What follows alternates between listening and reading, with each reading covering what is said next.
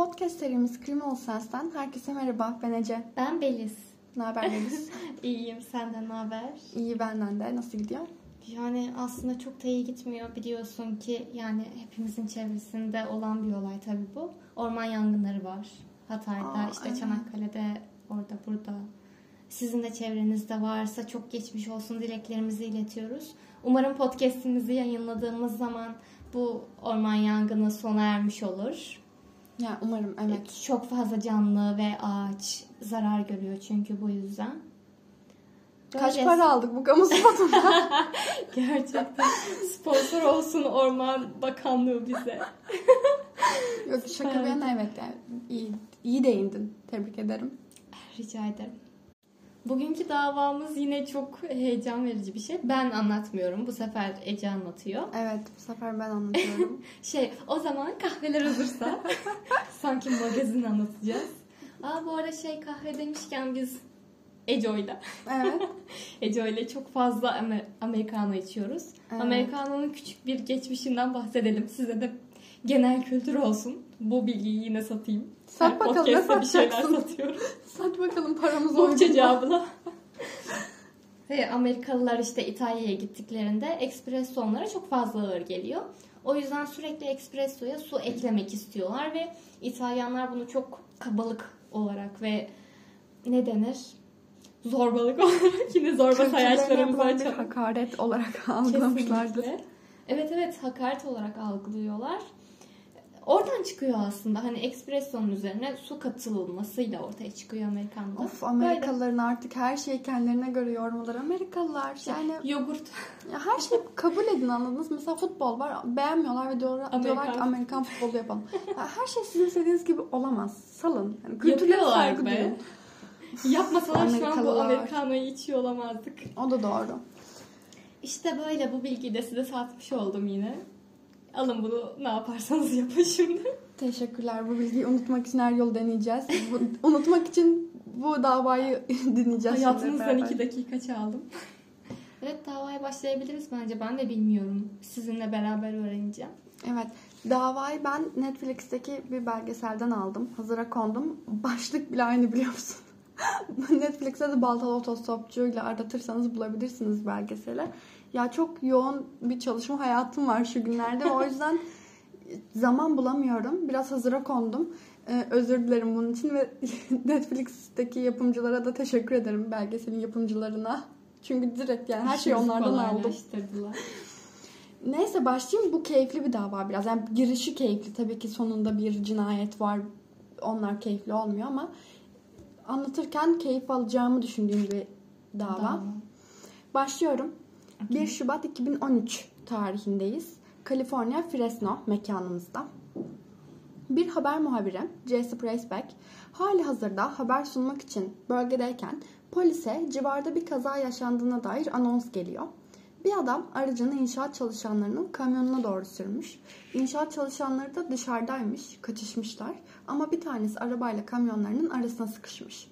Arabanın şoförü bağırıp çağırıyormuş. Ben İsa'yım, tüm siyahiler ölmeli gibi ırkçı şeyler söylüyormuş. Etrafta bulunan insanlar yardıma koşmuşlar. Ama aracın şoförü yardıma koşan kadınlardan bir tanesini de yakalamış. Ve bu sefer ona saldırmaya başlamış. Adam 2 metre 140 kilo iri yarı biri bu arada. Bodyguard gibi yani. Evet evet. O sırada adamın aracından inen hafif uzun kıvırcık saçları ve bandanası olan sırt çantası taşıyan ve açıkçası evsiz gibi görünen biri elindeki baltayla şoförün kafasına vurup kadını kurtarmış.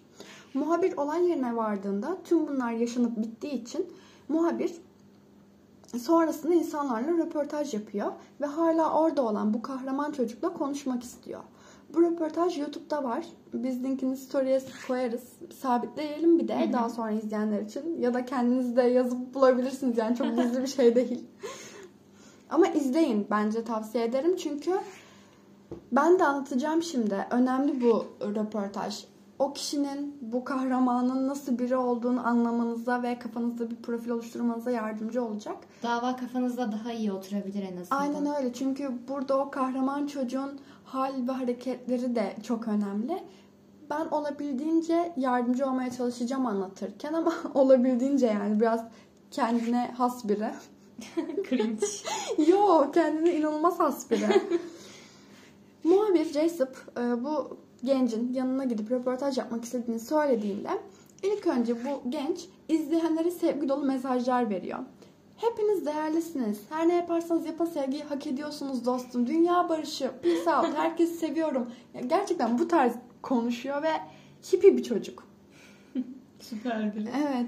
E, kamyona çarpıp kadına saldırmaya başladığında inip yanındaki baltayla adamın kafasına smash, smash, smash diye vurdum diyor. Bu smash, smash, smash sözünü işte bam, bam, bam olarak Taktik çevirebilirim. yok diye. Ama smash, smash, smash sözü e, önemli çünkü inanılmaz patlayacak bu söz. Hayatımın en büyük dalgasını sörf yapmak gibiydi. İnanılmazdı. O boyutta bir adam öyle bir kadının kafasını e- ezer geçerdi dostum. Yine olsa yine yaparım diyor. Daha önce birinin hayatını kurtardı mı peki diye soruyor Jessup muhabirimiz. Evet bir kere daha yaşandı böyle bir olay. O zaman da adamı öyle bir dövdüm ki dişleri döküldü. Hala elimde dişlerin izi var baksana şeklinde anlatıp övünüyor. Adını soruyor muhabir. Kay diyor. Soyadın ne diyor. "E, Soyadım yok dostum. Benim hiçbir şeyim yok. Bir evim yok. Otostop, yapa- otostop yaparak geziyorum. Ailem de yok. Ben tüm ailemin gözünde bir ölüyüm diyor. Dümdüz bir evsiz yani. Ve bunu marifetmiş gibi anlatıyor yaptığını. E, baltayla vurmasını mı? Hem baltayla vurmasını hem de daha önce birilerinin dişini dökmesini Evet falan. biraz öyle. Çok korkunç biri aslında. Ee, komik ve sempatik tavırları var bu arada bunları anlatırken. Mesela insanlardan e, acaba aranızda bana surf giysisi ve surf tahtası ödünç verebilecek biri var mı diye böyle tatlı bir ricada falan bulunuyor. Bayağı tatlı. Ama izlemen lazım. Gerçekten sempatik yani E, korkunç bir ya bu ne demezsin böyle gülersin E, falan yapacağın bir röportaj. Gerçekten. Daha sonra diğer haber kanalları da onunla röportaj yapmak istiyor ama Kay istemediğini belirtip gidiyor. Sadece bizim muhabir Jessup röportaj yapabiliyor Kay'la. Bir de e-postasını da alıyor o sırada. Haber yayınlandıktan sonra Jessup eve gittiğinde Kay'la yaptığı röportajın full halini yüklüyor YouTube'a. Bayağı keyifli bir röportaj tekrar söylüyorum. İzlemenizi tavsiye ederim. Sabah uyandığında bu videonun inanılmaz popüler olduğunu görüyor. Resmen her yerde Kay var. Onun sadece kahraman olması değil, evsiz bir kahraman olması, bu rahat tavırları, sempatikliği ve komikliği insanların çok hoşuna gidiyor. Öyle ki her yerde özellikle o smash, smash, smash sözü akım oluyor. Capsler yapılıyor, şarkılar yapılıyor, insanlar Kay'ın cosplaylerini yapıyor. Her yerde o var. Böyle olunca yapımcıların televizyon programlarında ilgisini çekiyor. Bunların arasında Jimmy Kimmel Show var. Yani bilirsiniz e, Amerika'daki en popüler reality show'lardan bir tanesi. Yani muhtemelen Talk zaten, show'lardan bir Evet tanesi. evet Instagram'da çok fazla keşfete düşüyor. Oradan bile görmüş Aynen olabilirler. öyle. Eminim biliyorsunuzdur. E, ve Keeping Up with the Kardashians'ın yapımcıları da var. E, onlar da kayın peşine düşüyorlar. Jimmy Kimmel'ın yetenek avcısı. Öyle diyeceğim çünkü adamın görevi buymuş. Yani o gün Beyaz Show gibi düşün. Beyaz Show'da böyle kesitler paylaşılır ya o gün ne popülerse çıkartılır programa. Aynı aynı mantık zaten. O, o adam insanları bakıyor. Kim popülerse, kim ilgi çekecekse programa PR getiriyor. yapıyor bir Hı, yandan. Aynen. O yüzden yetenek avcısı diyeceğim adam için. Bu adam da işte kayın peşinde. Dediğim gibi Kardashian'ların yapımcısı da kayın peşinde. Onlar özel bir reality show yapmak istiyorlar hatta Kay için. Ama evsiz bir yani Kay ve evsiz birine nasıl ulaşabilirsiniz ki? Onlar da muhabire yani J-Sib'a yazıyorlar. Sen yaptın röportajı Kay'la sen ulaşabilir misin? Biz asla bulamıyoruz Kay'ı diye. J-Sib da Kay'a bir e-posta atıyor. Seni ünlü ve zengin etmek isteyen insanlar var ama önce ben seninle bir röportaj daha yapmak istiyorum diyor. Kay da ona benzincide bir adamın telefonundan ulaşıyor J-Sib'a ve diyor ki işte burada buradayım Gel, gelirsen yaparız röportaj. J-Sib ve bir arkadaşı gidiyorlar Kay'ın yanına. Peki Kay hayatını nasıl devam ettirmiş, neler yapmış, neler anlatıyor bu röportajda? Bildiğimiz gibi yani otostop çekerek bir yerlere gidiyor. İnsanların ona bir şeyler ısmarlamasıyla karnını doyuruyor. Aslında kendisi marketlerden yiyecek çalıyormuş. Ama bunları da diğer evsizlere dağıtıyor. Böyle kendi de çıkarı içinde değil. asla değil yani. Hiç mal mülk peşinde olmayan birisi. Röportaj sırasında bir kişi bir sürü kişiye kayıt tanıyor. Onunla fotoğraf çektiriyor.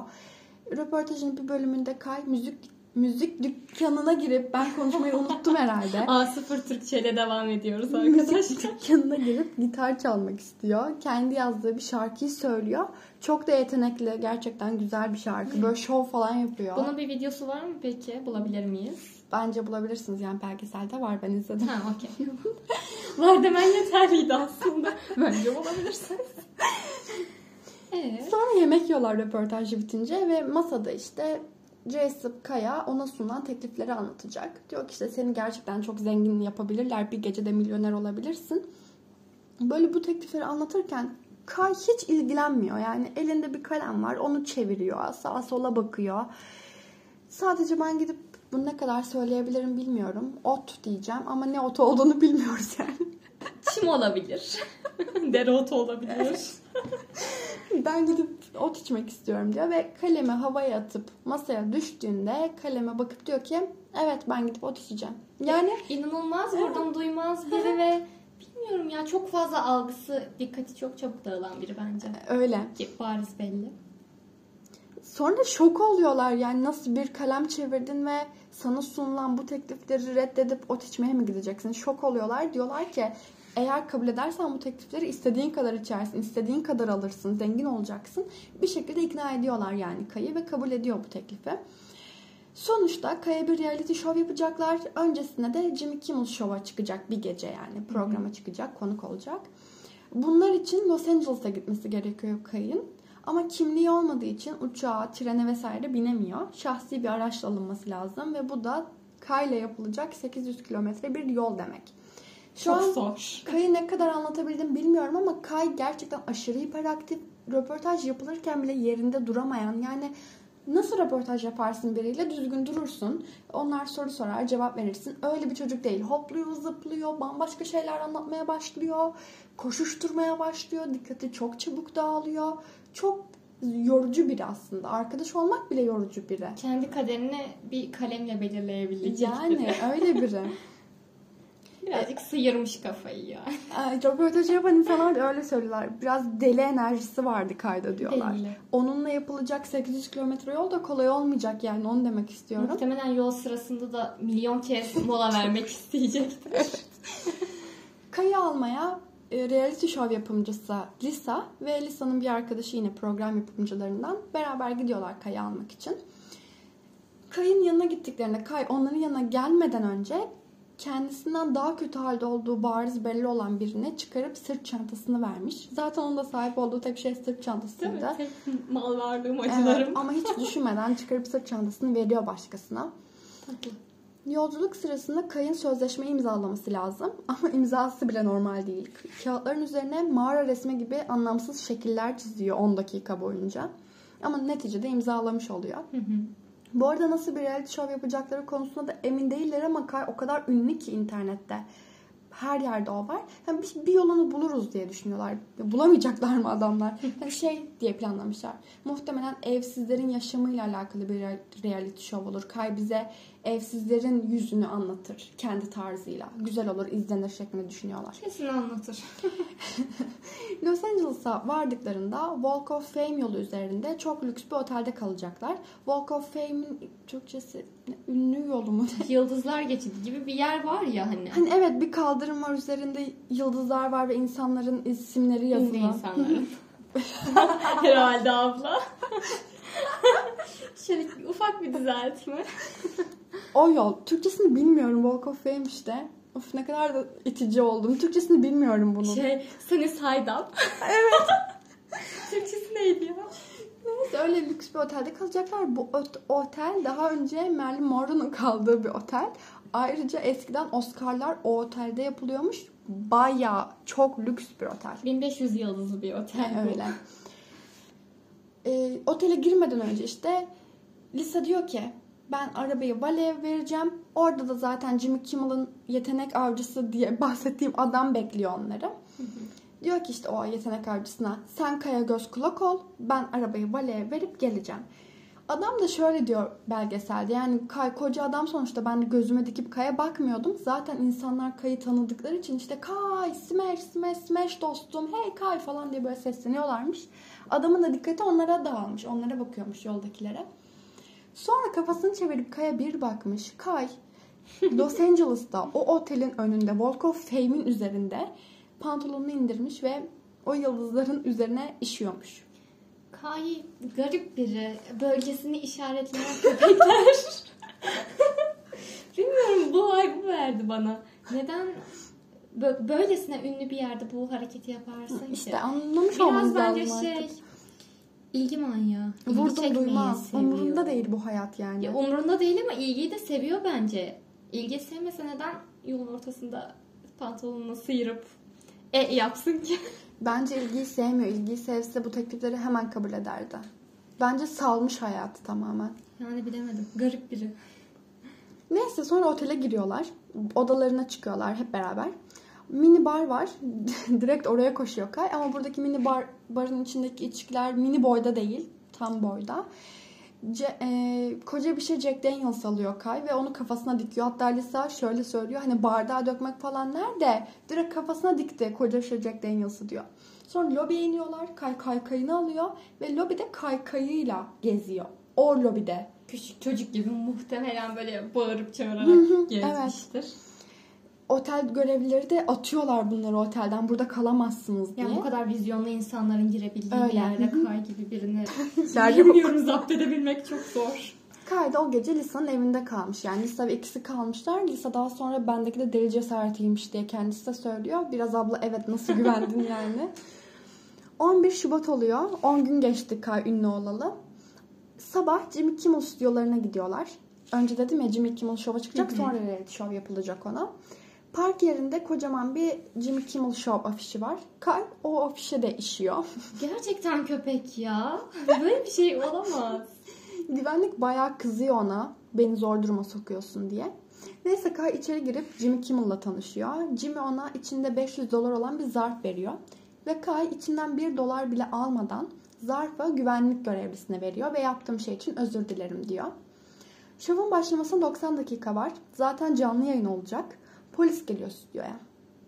Hadi. Kay tanık olduğu kazada kilit şahit olduğu için savcılıktan bir belgeyle geliyorlar e, ifadesini almak için. Aslında 10 gündür arıyormuş polisler Kay'ı ama bulamamışlar. Jimmy Kimmel de o gün bu gece konuğumuz Kay diye tweet atınca ge- geliyor polisler yani wow be. Polisler de Yani. Allah mı nereden bilsin. Programcılar bile bilmiyordu ki yerini. Sadece Aynen. o e, Jessup röportajı biliyordu, evet. yapan kişi biliyordu. Çok normal polisin bulamaması. Yani evsiz biri çünkü yani izni süremezsin. Neyse alıp götürüyorlar Kay'ı. Başla, programın başlamasına 30 dakika kala geri getiriyorlar. Ve yayın başlıyor. Aslında tahmin edersiniz bence artık. Kay canlı yayın yapılacak en zor kişilerden biri. Asla fır. odaklanamıyor. Ne yapacağı ne diyeceği belli değil. Ama Jimmy Kimmel bayağı iyi idare etmiş şovu. Ee, mesela şöyle şeyler söylemiş. Ee, Jimmy soruyor işte adam adamı nasıl alt ettin? Adamı nasıl böyle kadını nasıl kurtardın falan diye soruyor. İşte çünkü ben İsa'yım diye delice şeyler söylüyormuş, ırkçı biriymiş falan şeklinde sorular soruluyor Kaya ve Kayda diyor ki bence zaten gerçek İsa ile bu adamın arasında pek de bir fark yok. Yani sen canlı yayındasın. Ee, Böyle bir şey söylemek biraz hani- Çok fazla linç getirebilecek bir Evet şey. aynen programı zedeliyorsun ama Jimmy Kimmel böyle hemen toparlamış şey falan demiş. Bilmem ikisiyle de hiç tanışmadım. Süper biri ya. Sürekli şakaya vurarak geçiştirmeye çalışmış. Aynen öyle işte zengin beyaz insanlardan nefret ediyorum. Hepsi böyle çok kötü insanlar gibi şeyler söylüyorlar Kay. E yine bir insanı insanları hedef gösteren bir tutum söylem bu da. Jimmy yine şey diyor yanında onlardan biri oturuyor yalnız falan işte. Alfa. Aynen çevirmiş bayağı güzel çevirmiş. Hatta orada programda Kaya o insanlardan rica ettiği surf giysisi ve surf tahtası da hediye ediliyor. Neyse program bitiyor Kaya'yla yapılan. Ve ertesi günde Kaya bulmuşlar yani salacaklar mı? Film yorumlatacaklar. Bir sinema kapatmışlar. Film yorumlamasını istiyorlar Kay'dan. Ama Kay değil filmi fragmanı bile oturup izleyemediği için 8 dakika zor tutmuşlar orada onu. Tahmin etmiştim. Evet ve yapımcılar da hani anlamışlar artık. Demişler ki bu çocuktan biz reality show hayatta çıkartamayız. Her hafta bölüm çekecek saatlerce imkansız. Salalım biz bunu olmaz. Ee, gitmek istediği yere bırakıyorlar. Amerika'nın kuzeyine gitmek istiyor Kay. Oraya bırakılıyor. Ünlü de devam ediyor bu arada. Herkes onunla takılmak için yarışıyor resmen. İşte beraber video çekip yayınlıyorlar internette. Ona sürekli bir şeyler ısmarlıyorlar. Hep onunla takılıyor insanlar. Bence biraz işine geliyor bedava Tabii ki yaşamak. yani süper. İstediği hayat tarzı bu. Dövme falan yaptırıyor yüzüne, sırtına. Muhtemelen Hı hı. beleşe yani parası yok zaten. Kızlar hep peşinde. Tam olarak istediği özgür hayatı yaşıyor. Çünkü zaten kendisi için de ben evsiz değilim, ev istemeyen biriyim diyen birisi. Viral olduktan 3 hafta sonra tanık olduğu kazanın ön duruşmasına gidiyor Kay. Mahkemede ifade verirken ona kazadaki şoförün, o şoförün adı da Jet, Jet McBride, kendisiyle ot içip içmediğini soruyorlar adamın. Hı hı. Kay da evet ot sardım ve o da iç, içti diyor. Jet de kendi sorgusunda biz ot içtikten sonra Kay bana biz hayaletiz. Bahse varım şu kamyonetin içinden geçer gideriz ve kimse bizi göremez dostum. Casper mısınız abi siz yani? Bir şeyler Hayalet diyor. Polise göre de Kay bu davada sadece tanık değil bir şekilde bu kazada payı var. Polis de böyle düşünüyor ama kanıtlayamıyorlar. Tabii Kay inkar ediyor ve hayır ben öyle bir şey söylemedim. Hatta bu adam bana kamyona çarpmadan önce ben önceden 14 yaşındaki bir kıza tecavüz ettim ve yakalanmadım. Ben her şeyden paçayı sıyırabilirim. Kendimi İsa gibi hissediyorum artık. Bak şimdi ne yapacağım ve yine yakalanmayacağım. Yine bir şey olmayacak dedi ve bilerek kamyona çarptı diyor. Yani burada kime inanmak istiyorsunuz bilmiyorum.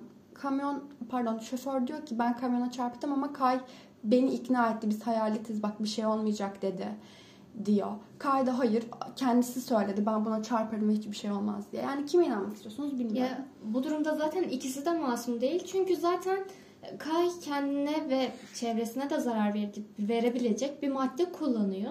Ama yanındaki adam da hani bir kıza tecavüz etmişsin sonuçta ve bunu normalmiş gibi anlatıyor. E, Evet. Kay da ikisi de- tepki vermiyor. Salak mısın abi sen? Yani ikisi İkiniz de yani, bok gibisiniz. doğru. Kusura bakmayın. Aynen. Bakabilirsiniz. Hiç umurumda değil şu an.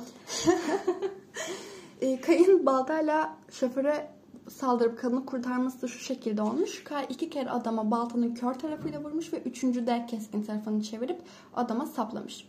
Abi kimse sormamış mı çevreden bu adamın neden baltası var diye. Gerçi evsiz olduğu için belki Evet, normalleştirmişlerdir. Aynen. Aynen öyle yani şey düşünmüşler baltasının olmasını garipsemedik çünkü evsiz bir yani lazım oluyor olabilir diye düşünmüşler. Bu dava sonuçsuz ertelenirken Kaya sahneye çıkması için teklif yapılıyor. Red Coast diye bir grup var ve bu grupla sahneye çıkacak. Prova yapılırken Kay oradaki insanlara olay gününü anlatıyor ve adama sardığı sigarada marijuana'dan başka maddeler de olduğunu söylüyor. Ya o varsa bile zaten bir kan testinde vesairede çıkabilir bu. Daha ya bakmamışlar ağır, mı? bakmışlar. Daha ağır kimyasal uyuşturucularmış saydığı şeyler.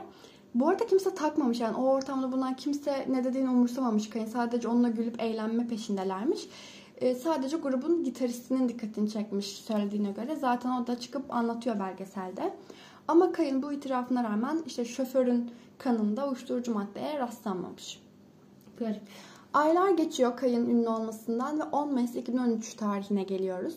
Kay bir gönderi paylaşıyor Facebook'ta. Bir anneler günü mesajı. Ama biraz farklı bir mesaj bu. Şunları yazmış. Gönderi dediğimde durum mu deniyordu Facebook? Unuttuk artık. O kadar bilmiyoruz. Bir durum, Durum, paylaşıyor. Şunları yazmış. İlk hatıralarım beşikteyken ailemin benim için telaşlanması. Ama bana sürekli içimde şeytan olduğu söylendi. Günde 20 saat odama kapatılırdım. Odaların köşesinde portatif kamp lazımlığı olurdu ve oralara ihtiyacımı giderirdim. Sonra ağzıma biber ve sabun doldururlardı. Çünkü onlara küfür ederdim. Benden bu kadar. Anneler gününüz kutlu olsun. Garip bir mesaj. Bu anneler gününden önce yayınlanmış bir mesaj mı oluyor? Evet, anneler günden önce. Aynen. Kayın çocukluğundan hiç bahsetmedik yani şimdiye kadar. Ee, peki nasıl bir hayatı olmuş Kayın? Çünkü Jason'la yaptığı o ikinci röportajda aslında hayatından bahsetmiş ama uygun bulmamışlar röportajın dinamiğine. Bu yüzden yayınlamamışlar o kısımları. Kay şunları söylemiş. Küçükken bir adam tarafından tecavüze uğradığını anlatıyor. Annesinin onu sürekli odasına kilitlediğini anlatıyor onlara. Açıkçası Jess ve arkadaşı %100 inanmamışlar. Yalan söylüyor gibiymiş biraz. Hem emin olmadıkları için doğru mu değil mi? Hem de dediğim gibi e, röportaja uygun bulmadıklarından dolayı bu kısımları yayınlamamışlar. Ya zaten ciddiye alınacak biriymiş gibi davranmıyor. Aynen. insan. hı hı. Ama tabii eğer doğruysa bile anlattıkları korkunç şeyler, anlattığı şeyler yani. Hı hı. Ee, geçmiş hayatından bahsederken ailesini de dinleyelim. Belgeselde ailesiyle de röportaj yapılıyor. Kay'ın kuzeni konuşuyor. Jeremy adı. Diyor ki öncelikle biz onu Kay olarak tanımıyoruz. Caleb olarak biliyoruz. Kay onun Muhtemelen kendisine taktığı bir isim. Onun ben tüm alemin gözünde ölüyüm tarzındaki açıklamasına da çok üzüldük. Çünkü onu hep çok sevdik biz. Burada hep bir ailesi var yani hiç asla gözümüzde ölü falan değil. Terk etmedik biz onu. Kendi kendine triplenmiş ve bırakıp gitmiş. Biraz kuzeni öyle diyor aynen. Evet Kay çok zor bir çocukluk geçirdi. Anne ve babası o 4 yaşındayken boşandılar. Annesi onu kilitlerdi odasına. Aşırı hiperaktif ve sorunlu bir çocuktu. Bir keresinde evlerini bile yaktı. Daha sonra annesi onunla baş edemeyeceğini düşünüp onu sorunlu çocukların gittiği bir kuruma verdi. Gerçekten de mental, mental sorunları vardı.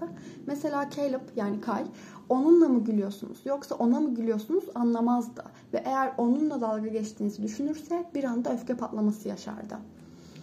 Annesinin de açıklamaları var. Annesi Shirley de şunları söylüyor. Sizin düşündüğünüz gibi odaya kilitlemedim. Onu evet kilitlerdim ama sizin zannettiğiniz gibi işkence anlamıyla değil. Oğlum Caleb yani Kay çok sorunluydu. Yani sabahları benden erken kalkardı ve hep kendine zarar verecek eylemlerde bulunurdu. Ben de onu çıkıp odasından kendine zarar verecek şeyler yapmasın diye geceden kilitlerdim. Ya sabah uyandığında mutlaka açıyordur o kilidi. Hangi annenin içi dayanır ki buna? Yani annen dediğine göre öyle ki o kadar işkence eden bir anne olsa çıkıp anlatmaya yüzü bence olmazdı. Bir de eski çocukluk fotoğraflarını falan da gösteriyorlar. Baya böyle Luna Parklarda, Disneyland'de hep eğlenirken annesiyle vesaire fotoğrafları da var. Öyle bizim daha eski davalarımızda bahsettiğimiz gibi korkunç, dünyanın en korkunç annesi değil bence de kadın. Yani kayın anlattığına göre öyleymiş ama bilmiyorum yani bence kadın da mecbur kaldığı için bu şekilde yapmış. Belli değil mi? Yani, Anlattığına göre. Evet, kilitlemesine kadar doğru tartışılır. Bence uygun değil kilitlemek çocuğu ama Kesinlikle. O bahs kadın da diyor zaten sizin şu an düşündüğünüz tarzda biri değilim. Ben sadece çocuğunu korumak isteyen bir anneyim. Ben onun güvenliği için onu kilitliyordum. Ama sonra açıyordum. İşkenceye maruz kalmıyordu oğlum diyor. Neyse 13 Mayıs 2013 tarihi New Jersey'deyiz. Günlerden pazartesi. 10 gün önce pardon 3 gün önce de Kay bir Facebook mesajı atmıştı. Hı hı. 13 Mayıs oldu. E, Kay'ın viral olmasından 3 ay sonra yani. New Jersey'de zengin bir muhitte oturan 73 yaşındaki avukat Joseph Galfi Galfi o gün işe gelmeyince ve kimse ona ulaşamayınca sekreteri adamın komşusunu arıyor. Komşu eve giderken bahçede pazar ve pazartesi gününün gazetelerini görüyor. Bu durum bile polisi aramak için yeterliymiş ona göre. E yani muhtemelen her gün gazetesini düzenli olarak, evet. olarak alan Hı-hı. bir adam. Çünkü aynen dediğin gibi çünkü Joseph düzenine uyan biriymiş. Gazetelerin hiç almadığı olmazmış. Evden de ses gelmeyince komşu polisi arıyor.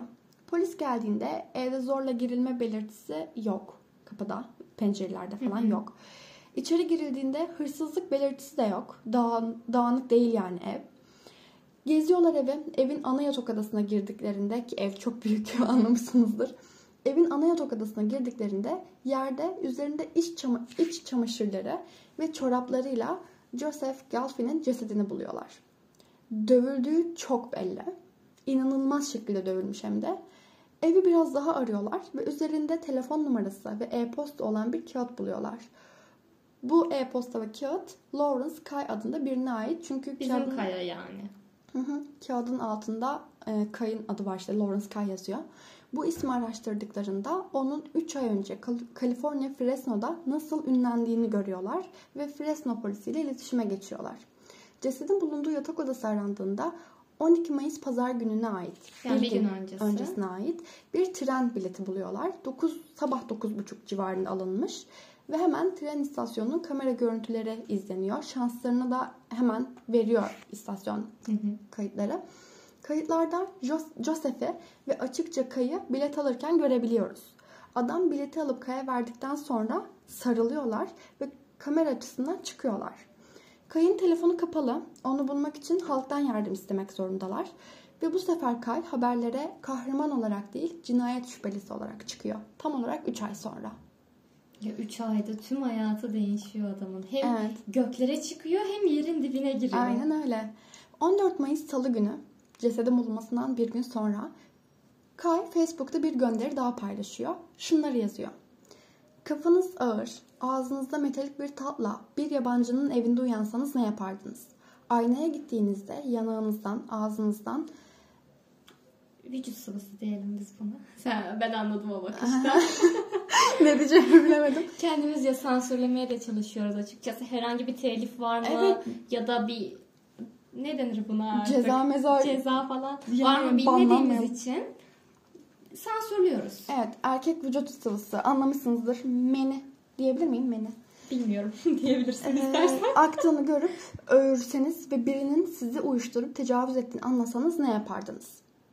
Böyle bir gönderi yayınlamış cesedin bulunmasından bir gün sonra. Tacize uğradığını anlatmaya Direkt çalışıyor. tecavüze uğradığını. Ha, aynen. Aha. Sonra bir kadın çıkıyor ve polise diyor ki ben Kayla buluşmuştum cinayetle suçlandığını bilmeden önce. Ama farklı görünüyordu biraz saçlarını kestirmişti diyor ve polise o gün çektikleri fotoğrafı gösteriyor. Ee, saçlarını gerçekten kestirmiş biraz uzun saçları vardı ve bu fotoğrafta halkla paylaşılıyor. Hani Kay artık böyle Görürseniz görünüyor. Haber verin diye. Ve 16 Mayıs günü cesedin bulunmasından 3 gün sonra Philadelphia'da bir Starbucks çalışanı polisi arıyor. Kay burada diye.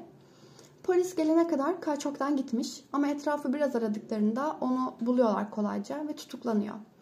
Sorgusu sırasında Kay olayları anlatıyor. Dediğine göre 11 Mayıs günü, cumartesi, 11 Mayıs cumartesi günü Joseph yanıma geldi ve kaybolmuş gibisin nereye gidiyorsun dedi. Ben de New Jersey dedim. O da bana ben de oraya gidiyorum seni bırakabilirim dedi. Ve onunla New Jersey'ye gittim. Onun evinde kalabileceğimi söyledim. Bir şeyler içtik, yemek yedik, biraz televizyon izledikten sonra ben yatıp uyudum. Uyandığımda ağzımda ve yüzümde vücut sıvıları vardı. Bana tecavüz ettiğini anladım. Joseph uyandığında beni tren istasyonuna götürdü. Burada bölmek istiyorum. Ya da ileride Bölme. mi? Hı, ileride söyle. Tamam, okey. Uyandığında beni tren istasyonuna götürdü. Bana bilet aldı ve vedalaştık. Ama benim kalmayı planladığım yer iptal olunca ben de tekrar onu aradım. Yine onda kaldım. Yemek yedik ve sonrasını hatırlamıyorum. Uyandığımda yerdeydim ve Joseph, Joseph pantolonumu çıkartmaya çalışıyordu. Ben de ona vurdum. Defalarca vurdum ve öldü.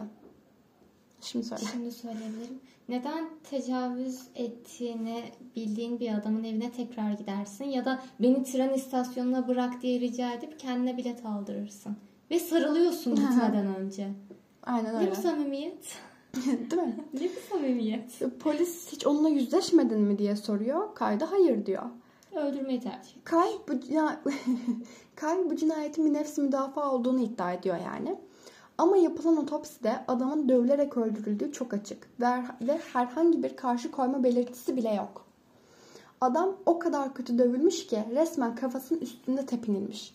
Kulakları kopmak üzereymiş o derece. Yani kanlar içinde kalmış, sürüklenmiş. Anlatamam size. Çok kötü dövülmüş. Ki Kay zaten hani şiddete meyilli biri. Daha önceki davalarında çok büyük bir marifetmiş gibi anlatıyor. Yani açıkçası Kay'dan böyle bir şey beklemezdim diyemiyorum. Bekliyorum. Evet öfke sorunu gerçekten olan birisi. Evet evet. Yani 11 Mayıs Cumartesi tanışıyorlar Kay ve Joseph. Kay'ın söylediğine göre adam ona tecavüz ediyor. 12 Mayıs sabahı uyandıklarında Kay bunu fark edince bir şey yapmak, polisi aramak, kaçmak yerine Joseph'e tren istasyonuna bıraksana beni diyor. Ya tamam rahat birisin ama bu kadar rahatlık da fazla. Hayır yani ve tren istasyonunda kameralarda kayıtlarda var sarılıyorlar ya çok samimiler yani. E sonra başka bir yere gitmektense yine ona tecavüz ettiğini iddia ettiği adamın evine gidiyor. Ve yine tecavüze uğrayacakken onu dövüp öldürüyor. Bilmiyorum bana çok inandırıcı gelmedi bu hikaye. Yani ben de bilemedim bu ne kadar inandırıcı, ne kadar doğrudur. Çünkü çok anlamsız, çok saçma. Tekrar gitmezsin aynı eve. Tekrar gitmezsin sabah böyle korkunç bir şeyi anladığında kaçıp gidersin, polisi ararsın. Ricada bulunmazsın ya. Bariz yalan bence ama Kesinlikle. bakalım. Ee, mahkemede hakim Kay için şunları söylüyor. Patlayıcı öfke dolu bir barut fıçısısın. Halkın gözünde özgür ruh imajı oluşturdun. Ama jüri o özgür ruhun altındaki diğer yanını gördü. O soğukkanlı, hesaplı, acımasız katili. Çok doğru söylemiş. Vay be. Gerçekten ama böyle biri ya. Tamam okey çok relax birisin falan. Ama asla yaş- bunu yaşadıysan bile bu kadar normalleştiremezsin. Ya, çok saçma. Gerçekten doğru. Dava sürecinden sonra Kay yani asıl adıyla Caleb Lawrence McGilvery New Jersey'de 57 yıllık bir hapis cezasına çarptırılıyor. Bu arada Kay olaylar olurken yani 2013 yılında 24 yaşında şu anda 34 yaşında hala hapiste. Temiz başvurusunda bulunmuş ama reddedilmiş. vazgeçecek gibi de değil yani. Hala devam edecekmiş temiz başvurularında bulunmaya. Çünkü hala daha o ilk röportaj yapan Jason'la iletişim halindeler. İnsanlarla muhtemelen mektuplaşıyordur. Eminim fanları vardır. Böyle Hmm. insanların fanı hep olur. Böyle yani bir kahramandan seri, seri katil de değil ayol. Bir kahramandan katile dönüşünü gördük birinin. 3 ay gibi kısa bir sürede bile. Ya ün insanı vezir de edebilir, rezil de Evet. edebilir. Ya bu doğru kullanamamak aslında ününü. Hiç kullanmamış. Hiç kullanmamış. Evet yani doğru da kullanmak değil Hiç. bu. Kötü kullanmak falan değil. Hiç kullanmamak. Bilmiyorum önüne inanılmaz iyi fırsatlar gelmiş. Ki çok iyi yerlere gelebilirdi. Çok zengin olabilirdi. Ama Yani. bunları elinin tersiyle dümdüz itmiş, umursamamış bile. Ama bence zaten Kay nasıl biri biliyor musun? Vurdum Böyle duymaz. yok yok. Ee, hani bazı insanlar vardır. Şimdi nasıl örnek vereyim? He, filozof Atakan vardı. Hatırlıyor musun? Küçük bir Evet, çocuk. Mesela o çocuk ilk popüler oldu. Güldük. Ha dedik vay be falan dedik işte. Gülen güldü. Şaşıran şaşırdı. Sonra onun da peşine düştüler. Yani bildiğin profesörlerle aynı masaya oturtup filo- felsefe tartışması istendi. Küçücük çocuktan. Hani Evet. abartmayın bazı şeyleri. Kay da aynı. Değil mi? Sokakta yaşayan birinden neden bir TV programı yapmasını istersin? Yani sokakta yaşaması da değil olay. Yani bir röportaj yaparsın, gülersin ve biter. Öyle üstelemeye pek gerek yok Kay için. Bence aynı mantık filozof Atakan'la. Hani bir kere ünlü olacak, sonra bitecek. Öyle, öyle. Şovlar, realitiler, programlar gereksizdi zaten. Yapamıyorlar da. Çok hiperaktif, yerine duramayan biri. Bilmiyorum ben Kay'ın bu yaptığı davranışın nefsi müdafaa olduğunu düşünmüyorum. Ben de. Ama Jacob yani o muhabir best friend yani bayılıyor Kaya. Hala bayılıyor. Hep onunla iletişim halinde. Kaya'nın yüzde yüz suçlu olduğunu düşünmüyor. Diyor ki bence Kaya kışkırttı o adam bir şekilde ki adam 73 yaşında bu arada söylemiştim. Altını Ya çizeyim. belki yaş yetmiş iş bitmemiş de olabilir gerçekten. ya bu yaşanmış olabilir. Gülünecek bir Olabilir, şey değil evet. aslında ama? Ya bunu normalleştirip adama sarılamazsın, bilet aldıramazsın, tekrar evine gelip onunla aynı evde yaşayamazsın. O yüzden ben Kaya açıkçası inanmadım ki ne olursa olsun evet tacize de uğramış olabilirsin. O zaman elinde bir kanıt var zaten. Üzerinde bir vücut sıvısı var. bir delil var. Gidip Aynen. polise ihbarda bulunabilirdin. Bir DNA testi yapılabilirdi. Hiçbir zaman hiçbir sebep birini öldürebileceğimiz anlamına gelmiyor. Bunu normalleştirmeyelim arkadaşlar. O yüzden kayı haklı bulan varsa bulmasın. Bence de bulmasın. Ya bir de şey de düşünüyorum. Gerçekten kışkırtılmış olabilir. O adam 73 yaşında olabilir ama dediğim gibi yani da bitmemiş olabilir adamda. İğrenç biri olabilir gerçekten. E, çünkü Kay 3 ay boyunca ya da daha önceki hayatında da mı herkes öldürdü? Bir sürü insanla takıldı bu çocuk. Başkalarını öldürmedi. Bu adamı neden öldürdü? Ya belki de birilerini daha önce de öldürmüş olabilir. Hiçbirimiz Aa, bilmiyoruz evet, sonuç doğru. olarak. Zaten hani inanılmaz derecede şiddete meyilli biri ve bunu dediğim gibi marifetmiş gibi anlatıyor. O yüzden bilmiyorum. Kay hiç masummuş gibi gelmiyor bana. Evet ben de sevmemiştim zaten Kay'ı. Öyle insanları sevmem, arkadaş da olmak istemem. Yolda görsem yolumu değiştiririm yani. Öyle takılmak isteyeceğim biri asla değil. Güzel bir davaydı bu arada. Magazin programı gibi oldu. Biraz Kay'ın mükemmel ünlenmeye giden yolundan ve geri Evet. dönüşünden bahsettik. Hiç gitme işinden Gidemeyiş bahsettik işi. hatta. Aynen öyle. E bitti. Bu kadar bitti, da. evet. Güzel bir davaydı. Umarım siz de beğenmişsinizdir. Evet, ben umarım. bayıldım. Gerçekten Ben de sevdim güzeldi. bu davayı. Güzeldi. Teşekkürler Netflix. Ve teşekkürler dinleyicilerimiz. evet size de teşekkürler. Buraya kadar dinlediğiniz için sağ olun. Ee, Hoşçakalın o zaman. Hoşça bir sonraki kalın. podcastimizde görüşmek üzere. Mutlaka profilimize sabitlediğimiz e, röportaj linkine de evet, bakın. evet evet. Fotoğraflarını da zaten tabii ki koyacağım. Kayın tabii ki. Okey. Oradan bakın. internetten bakın. arada artık şey şu bilgiyi de verelim. Her cuma yayınlıyoruz. Evet. Podcastlerimiz buna karar verdik. Evet. Artık bir gün belirliyoruz. Evet. Her mübarek cuma- gün. Her cuma podcastlerimize ulaşabilirsiniz. Tekrar dinlediğiniz için yo. Hoşçakalın. Hoşçakalın.